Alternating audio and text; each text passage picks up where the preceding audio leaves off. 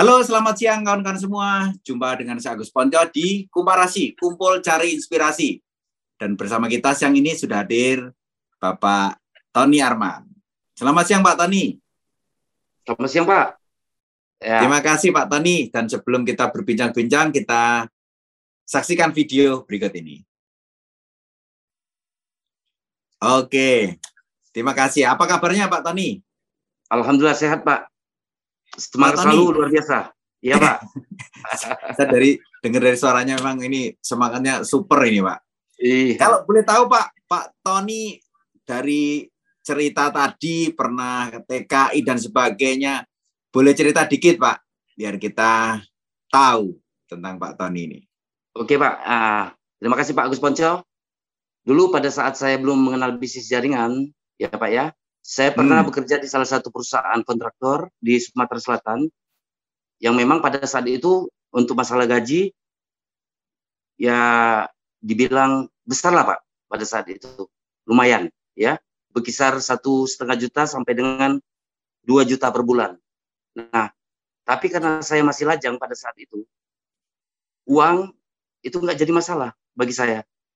Tapi yang jadi masalah waktu Pak ya waktunya sangat sedikit lagi, sangat sedikit buat orang-orang yang saya cintai dan sangat sedikit untuk saya bermain sama teman-teman. Nah, jadi karena sudah datang titik jenuhnya saya bekerja, saya memutuskan untuk berhenti pada saat itu, Pak Agus Ponco. Nah, hanya sekedar ingin banyak waktu, ya, waktu waktu bermain.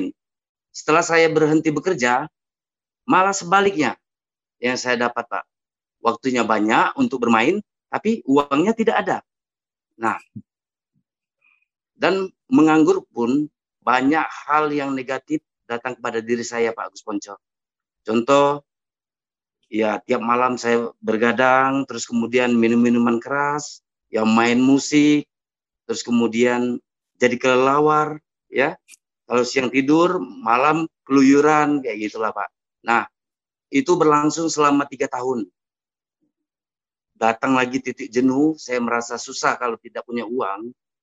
Mulai saya gerasa gerusuk. Mulai berusukan untuk cari kerja lagi. Nah, di pikiran saya, Pak, pada saat mencari kerja, saya ingin mencari kerja yang uangnya banyak, waktunya banyak. Ya, pada saat itu. Eh, rezeki datang, Pak. Rezeki datang. Ada informasi dari teman bahwa di Malaysia itu lagi membutuhkan karyawan. Ya. Jadi saya mendaftar di situ ya alhasil saya diterima, diterima Pak. Nah, dengan saya diterima, saya jadi semangat. Semangat luar biasa karena kenapa? Karena anggapan saya gajinya pasti besar. Terus kemudian di Malaysia sesuatu tempat yang baru yang bisa saya kunjungi. Ya. Jadi saya menjual motor Karisma seharga 8 juta untuk modal saya berangkat ke Malaysia. Nah, singkat cerita, sampai di Malaysia, yang tadinya semangat untuk mengejar uang dan waktu yang saya gunakan buat jalan-jalan di Malaysia itu ternyata airan belaka, Pak. Pak Ponco, ya.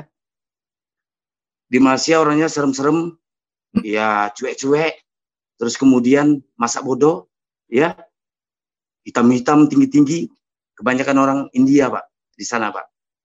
Jadi yang lebih menyakitkan begitu kami datang paspor kami ditahan sama kilang.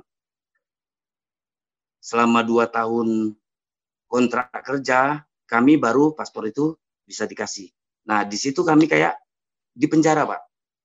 Ya yang lebih ekstrim lagi pak di sana nasi telur itu harganya 20.000 sampai 25.000 per bungkus, Pak Ponco.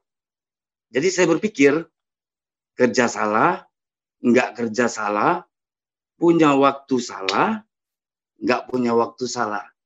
Iya, pada saat itu, Pak. Saya berdoa sama Tuhan, ya Tuhan, keluarkan saya dari negara gerimis mengundang ini, negara Isabella. Ya, saya sudah tidak tahan lagi. Ya, akhirnya Tuhan menjawab doa saya, Pak. Ya. Jadi tidak sampai dua tahun, lebih kurang satu koma satu tahun enam bulan, pada saat itu kami pulang atau dipulangkan. Karena kerja kami di sana Pak berantem terus, berantem terus di Malaysia, ya. Kemudian saya pulang ke Prabu Muli, saya kerja lagi, kerja lagi selama enam tahun dengan gaya hidup yang pas-pasan pada saat itu Pak. Nah, lagi enak-enaknya bekerja, ada pengumuman PHK besar-besaran di kantor kami, Pak. Ya salah satunya saya ikut di PHK. Pada saat itu tahun 2007. Iya. Saat itu juga saya andilau. Andilau itu antara dilema dan galau, Pak. Mau di mau bawa ke mana hidup ini. Gitu. Susah kan? Nah, jadi luar biasanya karena pikiran saya, Pak. Ada salah satu teman saya yang di Medan. Dia ingin bertemu saya, ya, beliau ingin membagi peluang usaha yang sangat luar biasa, yang sangat luar biasa, yang tadinya memang Tony harap bagaimana caranya dapat uang banyak, waktu banyak itu. Jadi beliau datang ke Pramuli, ya yang sekarang jadi apren saya Bapak Adi Gunawan ya, orangnya hmm. ganteng, luar biasa. Terus kemudian beliau mempresentasikan masalah perusahaan T pada saat itu. Ya. Begitu bla bla bla bla bla bla, saya join, Pak. Nah, alham, alhamdulillah dari perusahaan inilah saya banyak belajar dan banyak mendapatkan ilmu mengenai waktu dan uang kayak gitu Pak Bonco. Iya. Dengar-dengar udah lumayan Pak, udah sampai peringkat lumayan ya. Udah bisa ya, kebeli apa Pak kira-kira Pak? Ya kemarin sempat beli mobil Pak sempat beli mobil. Alhamdulillah Pak. Udah keluarga belum Pak? Sudah Pak, sudah berkeluarga. Waktu mulai? Eh, tahun 2001 Pak, saya berkeluarga. Oh iya iya iya. iya. Jadi di sana sana kan tahun-tahun itu juga baru mulai itu itu perusahaannya ya. Iya Pak. Jadi pada saat itu saya masuk tahun lebih kurang tahun 2007 tapi saya nggak aktif, hmm. Pak. Nggak aktif itu karena saya kehilangan mentor pada saat itu. Karena saya baru belajar. Saya kira dengan hmm. adanya mentor, saya bisa, saya dengan tidak adanya mentor, saya tidak bisa maju. Padahal itu asumsi yang salah sekali, Pak. Ya, sukses itu ter, sebenarnya tergantung dari diri kita sendiri. Ya. Oke, itu singkatnya ya, Pak. Tapi saya iya, dengar-dengar itu dulu jadi pemusik itu uh, memang bawaan lahir atau karena tadi sering sering jadi kelelawar terus jadi suka musik pak? Iya karena jadi sering jadi kelelawar kumpul-kumpul jadi sering main band main musik. Ya sampai festival lah pak festival. Sempat jadi juara lah. Tapi yang di satu sisi ya tadi miras. Itu yang paling bahaya pak. Minuman keras, termasuk ya narkobanya ya itu yang bahaya, Pak. Makanya Tapi saya katanya orang musik itu kan uh, apa otak kiri pekanannya gitu ya? Otak kiri ya? Otak kanan, Pak. Otak kanan ya, otak kanannya ya, kan iya. kuat ya. Artinya biasanya orang-orang sukses kan yang seimbang ya. Berarti ini kan karena kalau udah pekerja keras juga, terus musiknya ada, ada jiwanya gini, biasanya uh, cukup kuat kiri kanan lebih Eh, pengaruhnya apa, Pak? Ya. Jadi saya pernah membaca buku Ru pada saat itu, Pak ya. Jadi buku Ru itu menceritakan masalah otak kanan dan kiri. Hmm. Ya pada saat saya bekerja dulu, Pak, saya selalu menggunakan otak kiri. Otak kiri itu sesuatu yang pasti, sesuatu yang real. Kita kerja, kita dibayar. Kita kerja, kita dibayar. Tapi saya tidak pernah menggunakan otak kanan saya. Padahal saya pemusik. Nah, jadi impian saya pada saat saya kerja itu terkubur. Nah, dengan buku ruh tadi, itu menggerakkan saya untuk membelot ke arah sebelah kanan, Pak. Ke sebelah arah otak sebelah kanan. Jadi yang saya kuatkan masalah visinya, masalah impiannya sekarang, Pak. Nah Pak, kan denger-denger ini yang kenapa orang kok nggak berani atau takut dengan impian dan sebagainya karena itu jadi olo-oloan ah mimpi ah ini itu kalau menurut Pak Tony gimana tentang pandangan orang ini dan apa yang sudah pernah dialami dulu nggak pernah mau ke situ sekarang udah mau ke situ kira-kira. Boleh ceritakan dikit Pak? Uh, jadi sebenarnya kan ini kan masalah keiman keimanan kita ter, uh, kepercayaan kita terhadap apa yang apa yang Tuhan kasih terhadap kita. Jadi sebenarnya hidup kita itu tidak ada yang kebetulan. Ya oh, semuanya iya, iya. rencana Tuhan. Semuanya rencana Tuhan. Saya kenal dengan perusahaan T itu karena Tuhan. Jadi memang kita ada kayak anak tangga untuk menuju ya sampai saat ini ya Diomari. Yang kemungkinan besar insya Allah Diomari ini kita bisa menciptakan sesuatu yang dulu kita pikir di sini kita berhasilnya Pak. Kayak gitu Pak. Oke. Nah dari teman-teman lama ini, dari hidup yang sudah sangat berubah ini, teman-teman lama gimana Pak? Kalau kalau ketemu terkomentar mereka atau gimana atau sekarang masih ada sering hubungan gimana ceritanya Pak? Dia mereka ya mereka bilang wah Tony luar biasa, Tony konsisten, Tony orangnya ulet kayak gitulah. Diajak mereka tetap nggak mau. Ya padahal saya mengajak mereka itu bukan kebetulan sebenarnya rencana Tuhan untuk merubah hidup mereka tapi mereka tidak percaya. Itulah yang namanya keimanan, Pak. Itulah yang namanya. Jadi tetap mereka tetap masih suka di di areanya ya, Pak. Di, iya. Di... mereka tetap mau di zona nyaman mereka, Pak. Karena di bisnis ini kan banyak tantangan. Banyak tantangannya, Pak. Setiap kita mau merubah hidup, itu tantangannya pasti banyak. Karena kata Pak Purno dulu, iya, pahit itu belum tentu racun, manis itu belum tentu obat kata Pak Bruno. Kan obat Jadi, malah nggak ada yang manis, Pak. Iya. nah, itu Pak Ponco. Nah, Jadi ini.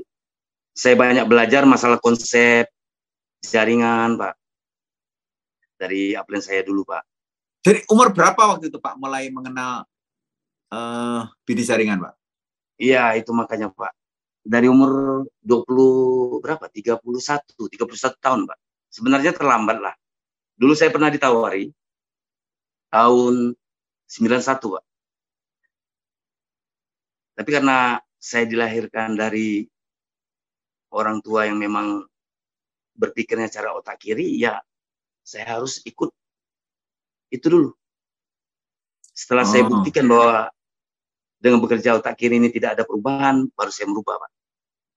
Baru saya berubah. Jadi ini ada unsur karena keadaan memaksa terus akhirnya berubah arah atau memang kesadaran yang muncul, Pak ini kalau menurut Pak? Iya, kalau eh? kalau untuk MLM itu sebenarnya kesadaran, Pak. Saya dipaksa Kesadar. sama teman, iya, saya dipaksa sama teman kan, ayolah join lah, gabung lah. Kapan lagi? Saya tunda Pak tempo hari. Waktu saya saat awal saya ditawari, saya tunda. Saya sebelum Pak Adi Gunawan tuh saya ada upline. Ya, dia yang memperkenalkan saya sama Pak Adi Gunawan. Oh. Saya bilang sama oh. teman saya, saya ini Pak, kalau sudah terjun, saya nggak mau main-main. Ya malah dia yang kabur Pak. Saya sudah serius, betul-betul, ya dia kabur dia yang kabur. Terus, maaf, saya kalau saya lihat kan uh, Pak Tony dengan Pak Adi Gunawan ini begitu uh, kompaknya gitu ya, begitu dekat gitu ya. Kalau saya lihat ini ya, padahal hmm. beliau sendiri belum begitu aktif, tapi ya juga juga apa uh, intens ya komunikasi ya, melihat yeah. seperti itu. Nah, apa sih hal-hal uh, yang nilai positif atau uh, kelebihan dari Pak Adi ini yang di mata Pak Tony Pak sehingga Pak Tony merasa begitu respect itu. Nah, begini Pak. Iya karena rasa hormat, hormat saya karena saya tahu bisnis jaringan karena beliau. Ya karena hmm. beliau. Karena sukses itu bukan ditentukan di mana kita, tapi ditentukan siapa kita, Pak. Ya Pak Adi Gunawan bilang, jangan lihat ladang, tapi lihat petaninya. Nah, jadi saya nggak merasa ya siapa pun upline saya, Pak. Yang jelas kalau saya punya impian, saya sendiri yang bisa menggapainya kayak gitu. Nah, terus satu sisi Pak Adi Pak Adi Gunawan ini orangnya ganteng, Pak. Ganteng. Ganteng yang nggak bisa dilupakan sampai saat ini. Nah itu. Terus kemudian hmm. wibawanya, wibawanya enak pak. Cara ya, katanya sabar ya. Enak. Dia orangnya hmm. sabar, dingin, hmm. kayak gitu pak. Jadi Terus betul nggak pak? Menurut Pak Tony itu memang dalam hidup ini perlu sebuah model ya, uh, idola lah untuk untuk menurut Pak Tony gimana? Seberapa pentingnya sebuah model lah, idola gitu ya. ya, kalau untuk masalah idola itu mendukung kita lebih kurang 25 persen lah. Jadi yang pertama eh, buat gimana ya? Buat lebih mendewasakan kita, Pak. Itu idola. Iya.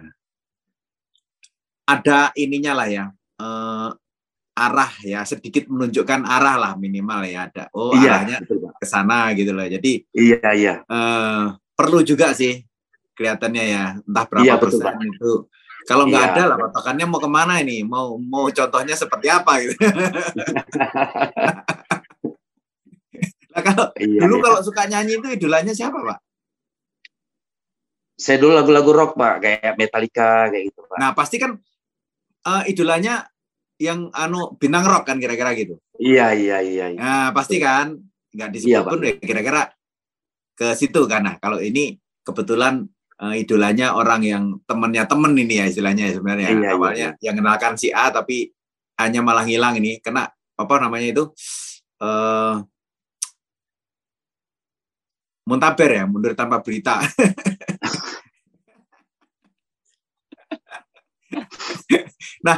kalau Pak sekarang ini ya menurut uh, kan udah cukup dewasa ini bukan lagi coba-coba kan. Apa iya, yang menarik dari bisnis jaringan ini Pak?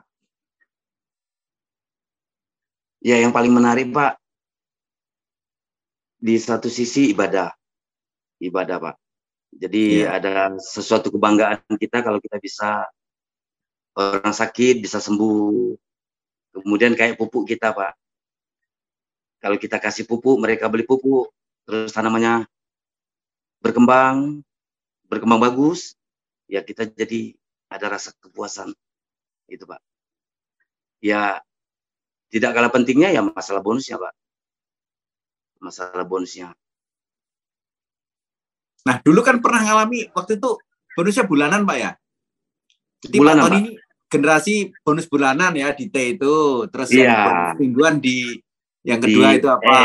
Nah, iya, di, itu. Sekarang bisa harian. Apa Pak? Mungkin yang ada beda, ada beda Yang dirasakan. Yang jelas begini, yang jelas begini Pak.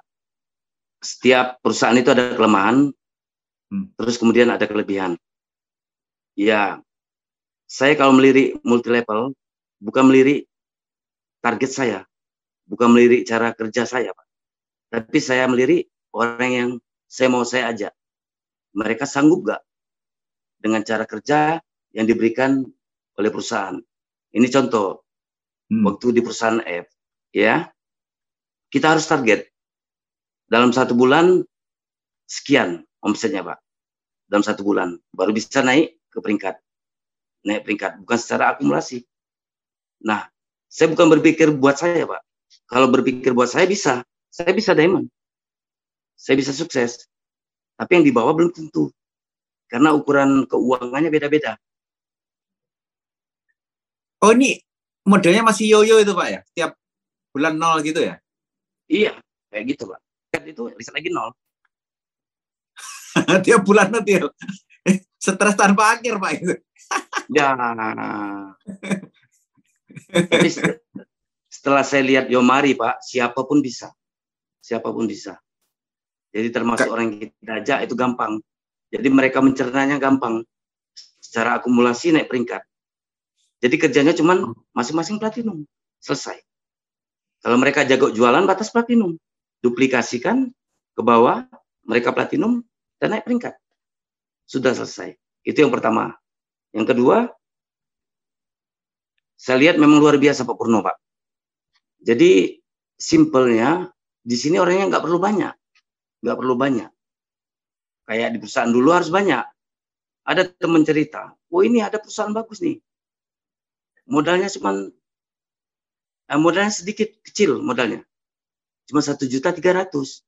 Dia nggak ngerti kalau modal satu juta tiga ratus pendaftaran plus isi omset itu pasti jumlah manusianya ratusan ribu bahkan jutaan pak untuk naik ke peringkat diamond Oh. Tapi kalau om, ah, tapi kalau di kita omsetnya segitu, yang dipastikan orangnya pasti lebih sedikit untuk naik ke peringkat. Oh. Nah sekarang kita pandai jualan, kita lirik manusia di sekitar kita, kebanyakan yang pintar jualan apa rekrut? Ya kata dia pintar jualan, ya berarti inilah yang tepat, bisnis inilah yang tepat semakin modalnya nggak gede ya. modal... terjualan kan modal nggak nggak harus gede karena putaran ya pak ya. Iya. Gitu pak. Jadi semakin kecil modal semakin banyak distributor. Ngerekrut dua aja susah apalagi seribu.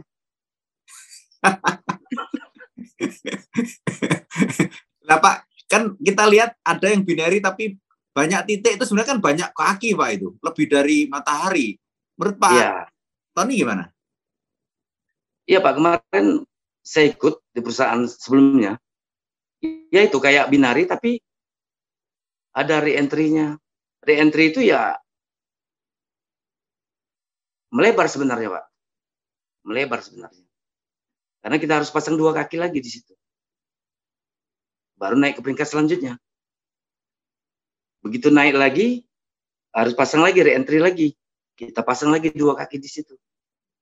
Ya sama dengan matahari. Sama, Pak. Kalau di kita murni binari, luar biasa, Yomari, Pak.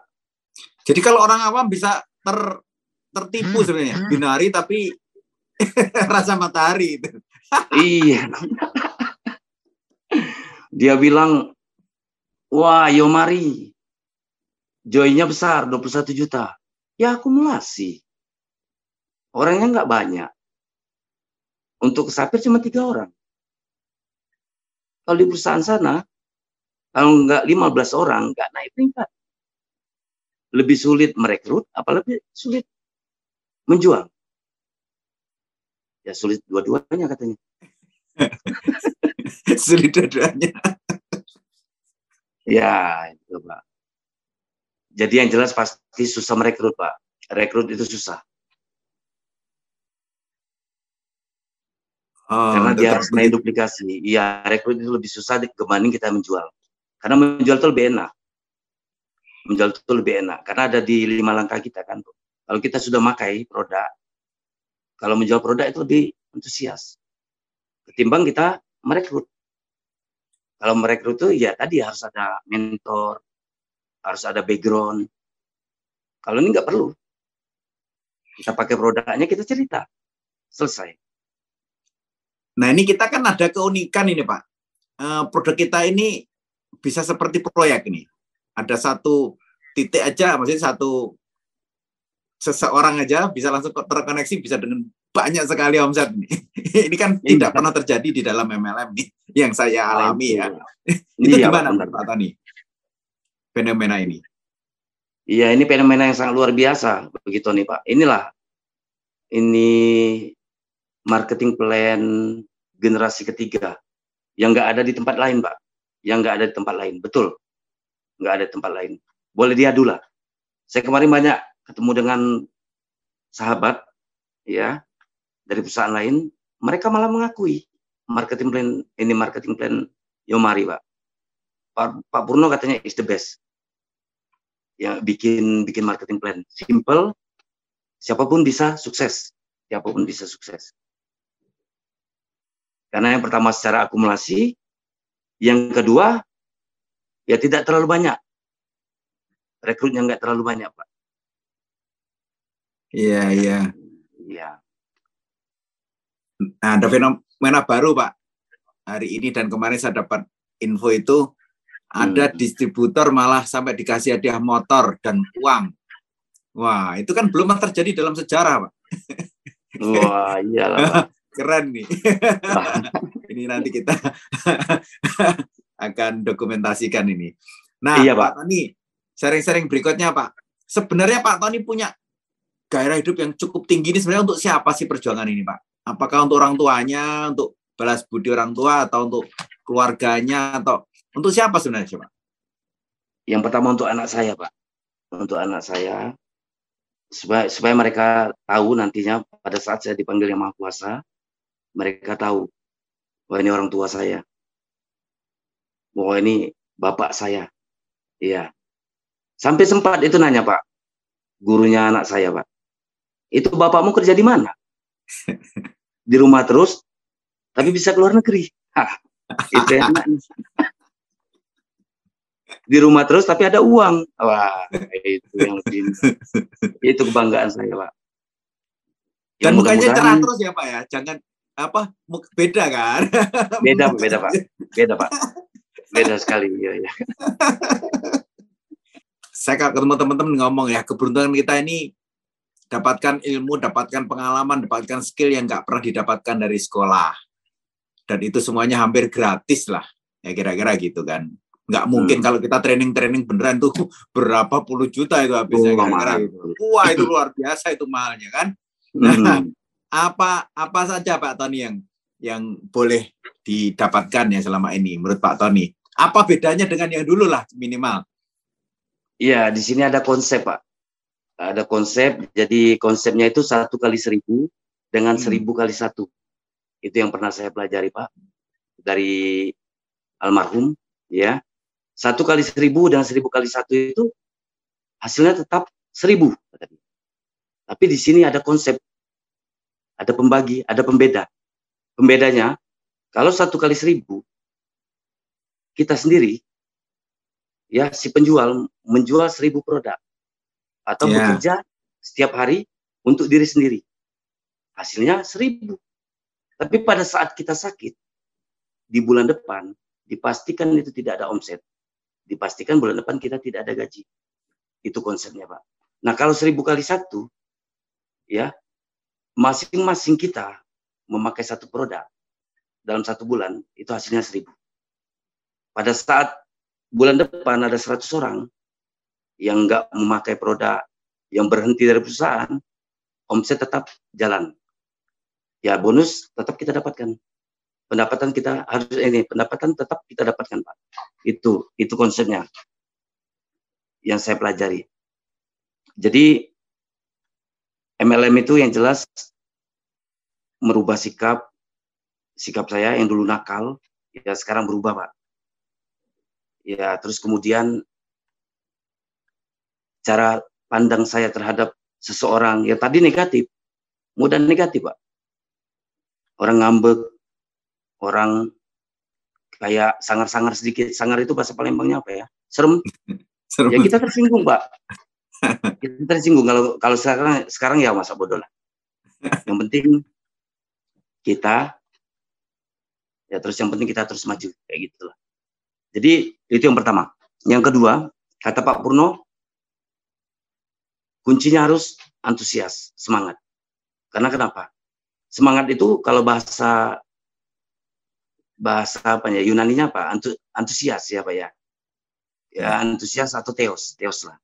Theos itu kalau di kitab salah satu kitab Injil itu Tuhan. Jadi kalau kita semangat, berarti Tuhan ada di diri kita. Hmm. Jadi kalau semua kita presentasi pakai semangat, kita berjuang pakai semangat, terus kita tempur pakai semangat, kita membangun jaringan pakai semangat, berarti Tuhan ada di diri kita. Tuhan membantu apa yang kita kerjakan. Jadi intinya, Tony kamu harus semangat. Gitu, Pak. Nah kalau komentar anaknya Pak, tadi kan komentar gurunya nih, nanyain ini. Kalau anaknya ya. pernah komentar apa, Pak? Punya Bapak seperti Pak Tony ini. Dia bilang, apa yang Bapak kerjakan tuh? Hmm. Ini kami juga heran. Kerjanya sedikit tapi bisa jalan-jalan, bisa dapat uang, bisa ada mobil. Aneh itu, Pak. Suatu hal yang aneh. Bisa beli mobil dua lagi. Nah itu aneh. Pak. Masa anaknya heran, Pak? Anaknya kan lihat terus, Pak. Ya heran itu ya karena saya keluar rumah pulang kayak nggak kerja kayak gitu pak. Kayak oh kerja. senang terus saya pak ya? Iya senang terus. Jadi ngelihat kalau ngelihat yang lain kan seharusnya sudah pakai baju seragam, pakai sepatu kayak gitu kan. Hmm. Bawa iyalah kayak kerja pakai bed atau segalanya kan. kalau kita enggak biasa, tapi kok ada hasil kayak gitu. Dia sempat nanya pak, Nah sekarang hmm. anak saya yang nomor dua itu lagi baca buku bagaimana mencari kawan, Pak. Dia lagi baca buku, tuh. lagi baca hmm. buku itu sekarang. Iya iya iya. Untung punya bapak seperti ini ya. Dia mungkin kawan-kawannya belum kenal buku seperti itu ya. Iya. Dia baca buku itu. Pak, Pak katanya salah satu dari bu, isi buku ini apa Pak kira-kira? Ya saya bilang kalau adik ingin mengambil madu, jangan tendang sangkar lebahnya. Jadi kayak gini, kalau kita ingin mendekati seseorang, itu jangan lukai hati mereka. Jangan lukai hati mereka. Insya Allah mereka mau. Mau diajak ke mana aja mau. Itu, oh intinya kayak gitu Pak. Iya. Jadi persahabatan itu dimulai hmm. dari kata-kata, dimulai dari perasaan. Tapi kalau perasaan kita sudah tersinggung, sampai kapan pun pasti konflik pak konflik ya iya iya iya iya luar biasa ya apa uh, yang nggak akan didapatkan dari sekolah biasa nih. Nah terus iya, kalau kalau istri pak komentarnya gimana? Kalau istri ikut tempur pak. Oh ikut tempur. bisa ditanya ini. Loh nggak pernah negatif nggak? Dulu ah, pernah, Pak. nggak cocok dengan ini apa ini bukan oh, apa uh, istilahnya bakat saya atau gimana. Pernah nggak? Maksudnya? Iya, pernah, Pak. Pernah. Pernah dulu negatif, terus sering ikut home meeting kami, kan home sharing, jadi akhirnya hmm. dia tahu. Ya ya semangatnya itu tambah membara. Jadi jadi di sini kami Pak eh, setiap minggu kami adakan home meeting, home sharing sama teman-teman. Biar semangat tadi tetap terjaga pak. Tetap terjaga. Ya, itu pak Gus Ponco oke. Nah sekarang kalau saudara-saudara yang lain komentarnya apa pak kalau saudara yang lain dulu sempat bilang saya bodoh pak karena saya berhenti kan bekerja pak iya dulu kan saya berhenti bekerja pak dengan total gaji satu setengah sampai dua juta kan saya berhenti saya dibilang kan bodoh dulu ya memang pada saat dulu ya saya belum punya bukti. Tapi setelah punya bukti, mereka diam. Ikut nggak? Mau ikut nggak? Ikut pak. Ikut pak. Oh ikut. ikut. Oh kalau saudara masih bisa percaya. Kalau teman tadi ya nggak mau ya pak ya? Iya teman ini yang teman deket, teman pemusik itu pak susah pak. teman pemusik susah. Mereka itu maunya metal terus, metal. Oh. nggak mau yang lain. Metal itu terus. juga happy toh pak, ya kan?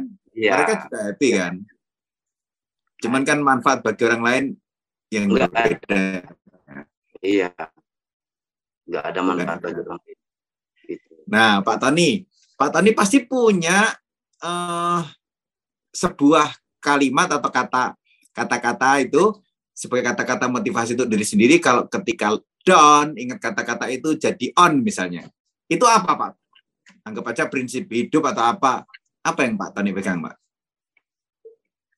Iya. Saya pernah ini Pak membaca buku yang namanya buku ini. Uh, oh, yang pencipta lampu Pak ya, lampu. Yeah. Thomas Alva Edison. Edison. Yang menciptakan lampu itu ada lebih kurang 10.000 kali gagal. Kalau dia sempat berhenti pada saat itu, mungkin sampai sekarang kita tidak ada lampu. Ya Pak Punca sama Pak Tony pakai lilin sekarang. Zoom meeting pakai lilin. Nah, jadi keberhasilan itu bukan ya sebenarnya hal yang pasti. Berhasil itu hal yang pasti. Kita belajar dari tukang penggali sumur, Pak. Penggali sumur. Penggali sumur itu dia tahu bahwa di dalam tanah ini ada air. Tapi untuk kedalaman dia nggak tahu kedalaman. Tapi dia sudah yakin. Kalau bahasa kitanya Pak, Indam malu ya. Niatnya sudah yakin. Aku yakin bahwa di dalam tanah ini ada air. Tapi masalah kedalaman dia nggak tahu. Nah itu. Jadi yang selalu membangkitkan diri Tony, bahwa di dunia ini Pak tidak ada yang tidak mungkin asal kita mau. Itu pasti terjadi. Misal contoh, pasti nggak dapat dua kaki. Saya jawab pasti. Karena itu hukumnya. Tapi masalahnya kapan kita nggak tahu. Entah besok, lusa, bulan depan, tahun depan kita nggak tahu. Yang jelas pasti, berhenti ya Pak ya? Ya, yang jelas pasti dicari.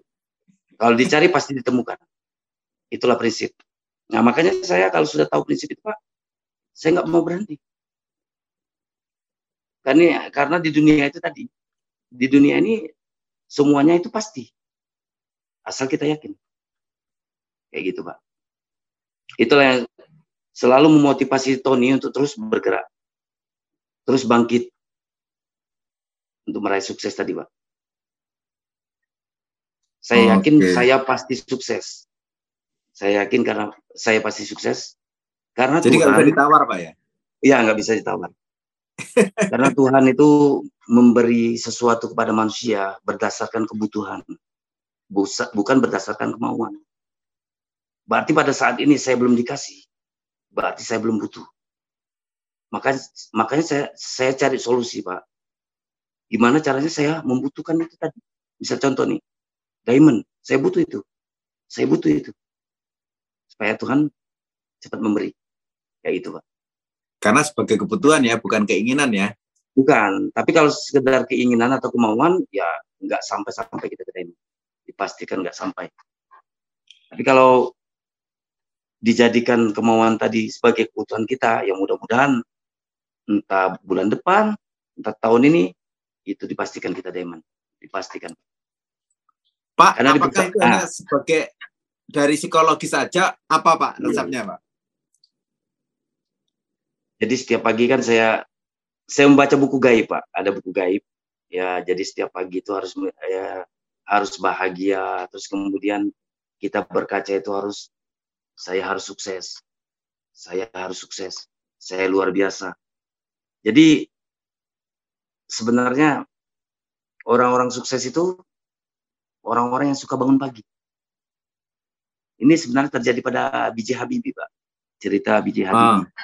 Iya, ah. B.J. Habibie dulu pada saat sekolah, dia selalu ranking tiga, Pak. Ranking tiga. Enggak pernah dia ranking dua, ranking satu. Enggak. Jadi dia belajar dari salah satu teman dia, yang padahal bukan muslim. Ya, ternyata yang temannya nih yang ranking satu ini, setiap jam tiga, jam setengah empat subuh dia bangun. Terus dia memotivasi diri, mengafirmasi diri setiap pagi. Setiap subuh. Supaya dirinya itu sehat selalu. Supaya dirinya bahagia selalu. Supaya besok bangun rezeki datang. Ya kayak gitu Pak. Jadi pada saat B.J. Habibie belajar itu Pak, dia jadi ranking satu Pak. Oh. Satu.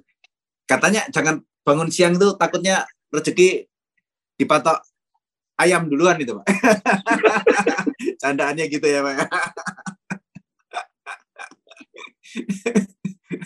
nah pak Tani kan ini kesempatan yang terbaik ya bisa ada fasilitas ini online ini di, bisa didengar siapa pun itu kalau ada ya. pesan untuk kawan-kawan apa yang Pak Tani ingin pesankan ke mereka Pak? Jadi jangan pernah berhenti belajar ya karena hidup tak pernah berhenti mengajarkan kita.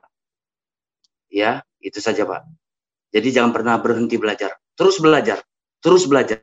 Karena hidup tak pernah berhenti mengajarkan. Jadi kalau kita berhenti belajar, kita pasti mati. Sayang Pak ya? Iya sayang Pak. Jadi buat teman-teman terus semangat ya. Uh, terus berkarya, terus yakin pada diri kita. Suatu saat kita pasti sukses, suatu saat kita pasti diamond sama-sama. Gitu, Pak. Salam sukses. Okay. Salam seribu ini diamond. Pasti ya. ini harus harus nih seribu diamond ini nggak usah yang sampai ratusan nih. nah, itu kan cari itu harus diamond berikutnya nih Pak Tani. iya iya iya. Saya iya. sudah menangkap ininya apa sinyal-sinyalnya iya, dari dari apa uh, udah terbaca lah Pak ini ya. Pak Tony, saya suatu kali ketemu Pak Tony jam 10 malam segar seperti sekarang ini masih segar ya. Padahal bangunnya pagi biasanya Pak ya. Pagi jam berapa, iya, Pak? Pagi, Pak. Pagi sekitar jam 6 sampai jam 5, Pak. Jam 5 subuh, jam setengah 6 saya sudah bangun. Oke, oke, oke, oke. Iya. Dan sampai jam berapa biasa tidur, Pak, istirahatnya, Pak? Jam satu bisa, Pak. Setengah satu malam, ya? jam satu malam saya tidur, Pak. Nanti jam okay, setengah enam saya bangun. Tapi tetap seger sehat seperti hari ini ya. Nggak kebayang kalau orang over overtime kerjanya oh. itu kan bisa mukanya lu layu dan sebagainya iya iya iya pak kuncinya apa saja pak bisa sehat seger seperti ini pak ya kuncinya bahagia pak kuncinya bahagia dapat bonus terus kemudian jaringannya jalan wah itu kunci bahagia Tapi kalau banyak jaringan-jaringan yang nggak jalan mampu. Eh. Iya itu. Tapi kita tetap semangat kok. Tetap semangat Pak. Iya, tetap lah ya, tetap. Iya, tetap hambatan-hambatan tuh gangguan-gangguan kerikil tetap harus ada ya, Pak ya. Ada, karena ya. kan karena kan kita ini kan harus jadi batang, jangan jadi daun di bisnis ini. Kalau jadi daun ya pasti rontok. Oh, itu Kalau ya. kita jadi batang, ya daunnya pasti tumbuh kembali, pasti tumbuh kembali. Ya. Uh, Malah ada, ada yang punya istilah kalau cuma satu kaki yang jalan itu lidi. Leader itu kalau ya. kakinya ya. dua jalan itu baru leader gitu. Wah, wow, baru. ya mudah-mudahan Pak Agus Ponco. Siang ini saya tambah bahagia ini ketemu Pak Tony dapat uh, pantulan semangatnya ya terima iya, kasih ya, banyak waktunya dan semoga ini bermanfaat bagi banyak orang dan kawan-kawan boleh saksikan komparasi ini ada di Facebook kita ada di Instagram ada di YouTube kita dengan akun Yumari Internasional. Oke selamat jumpa kembali.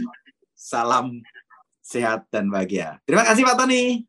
Ya sama-sama Pak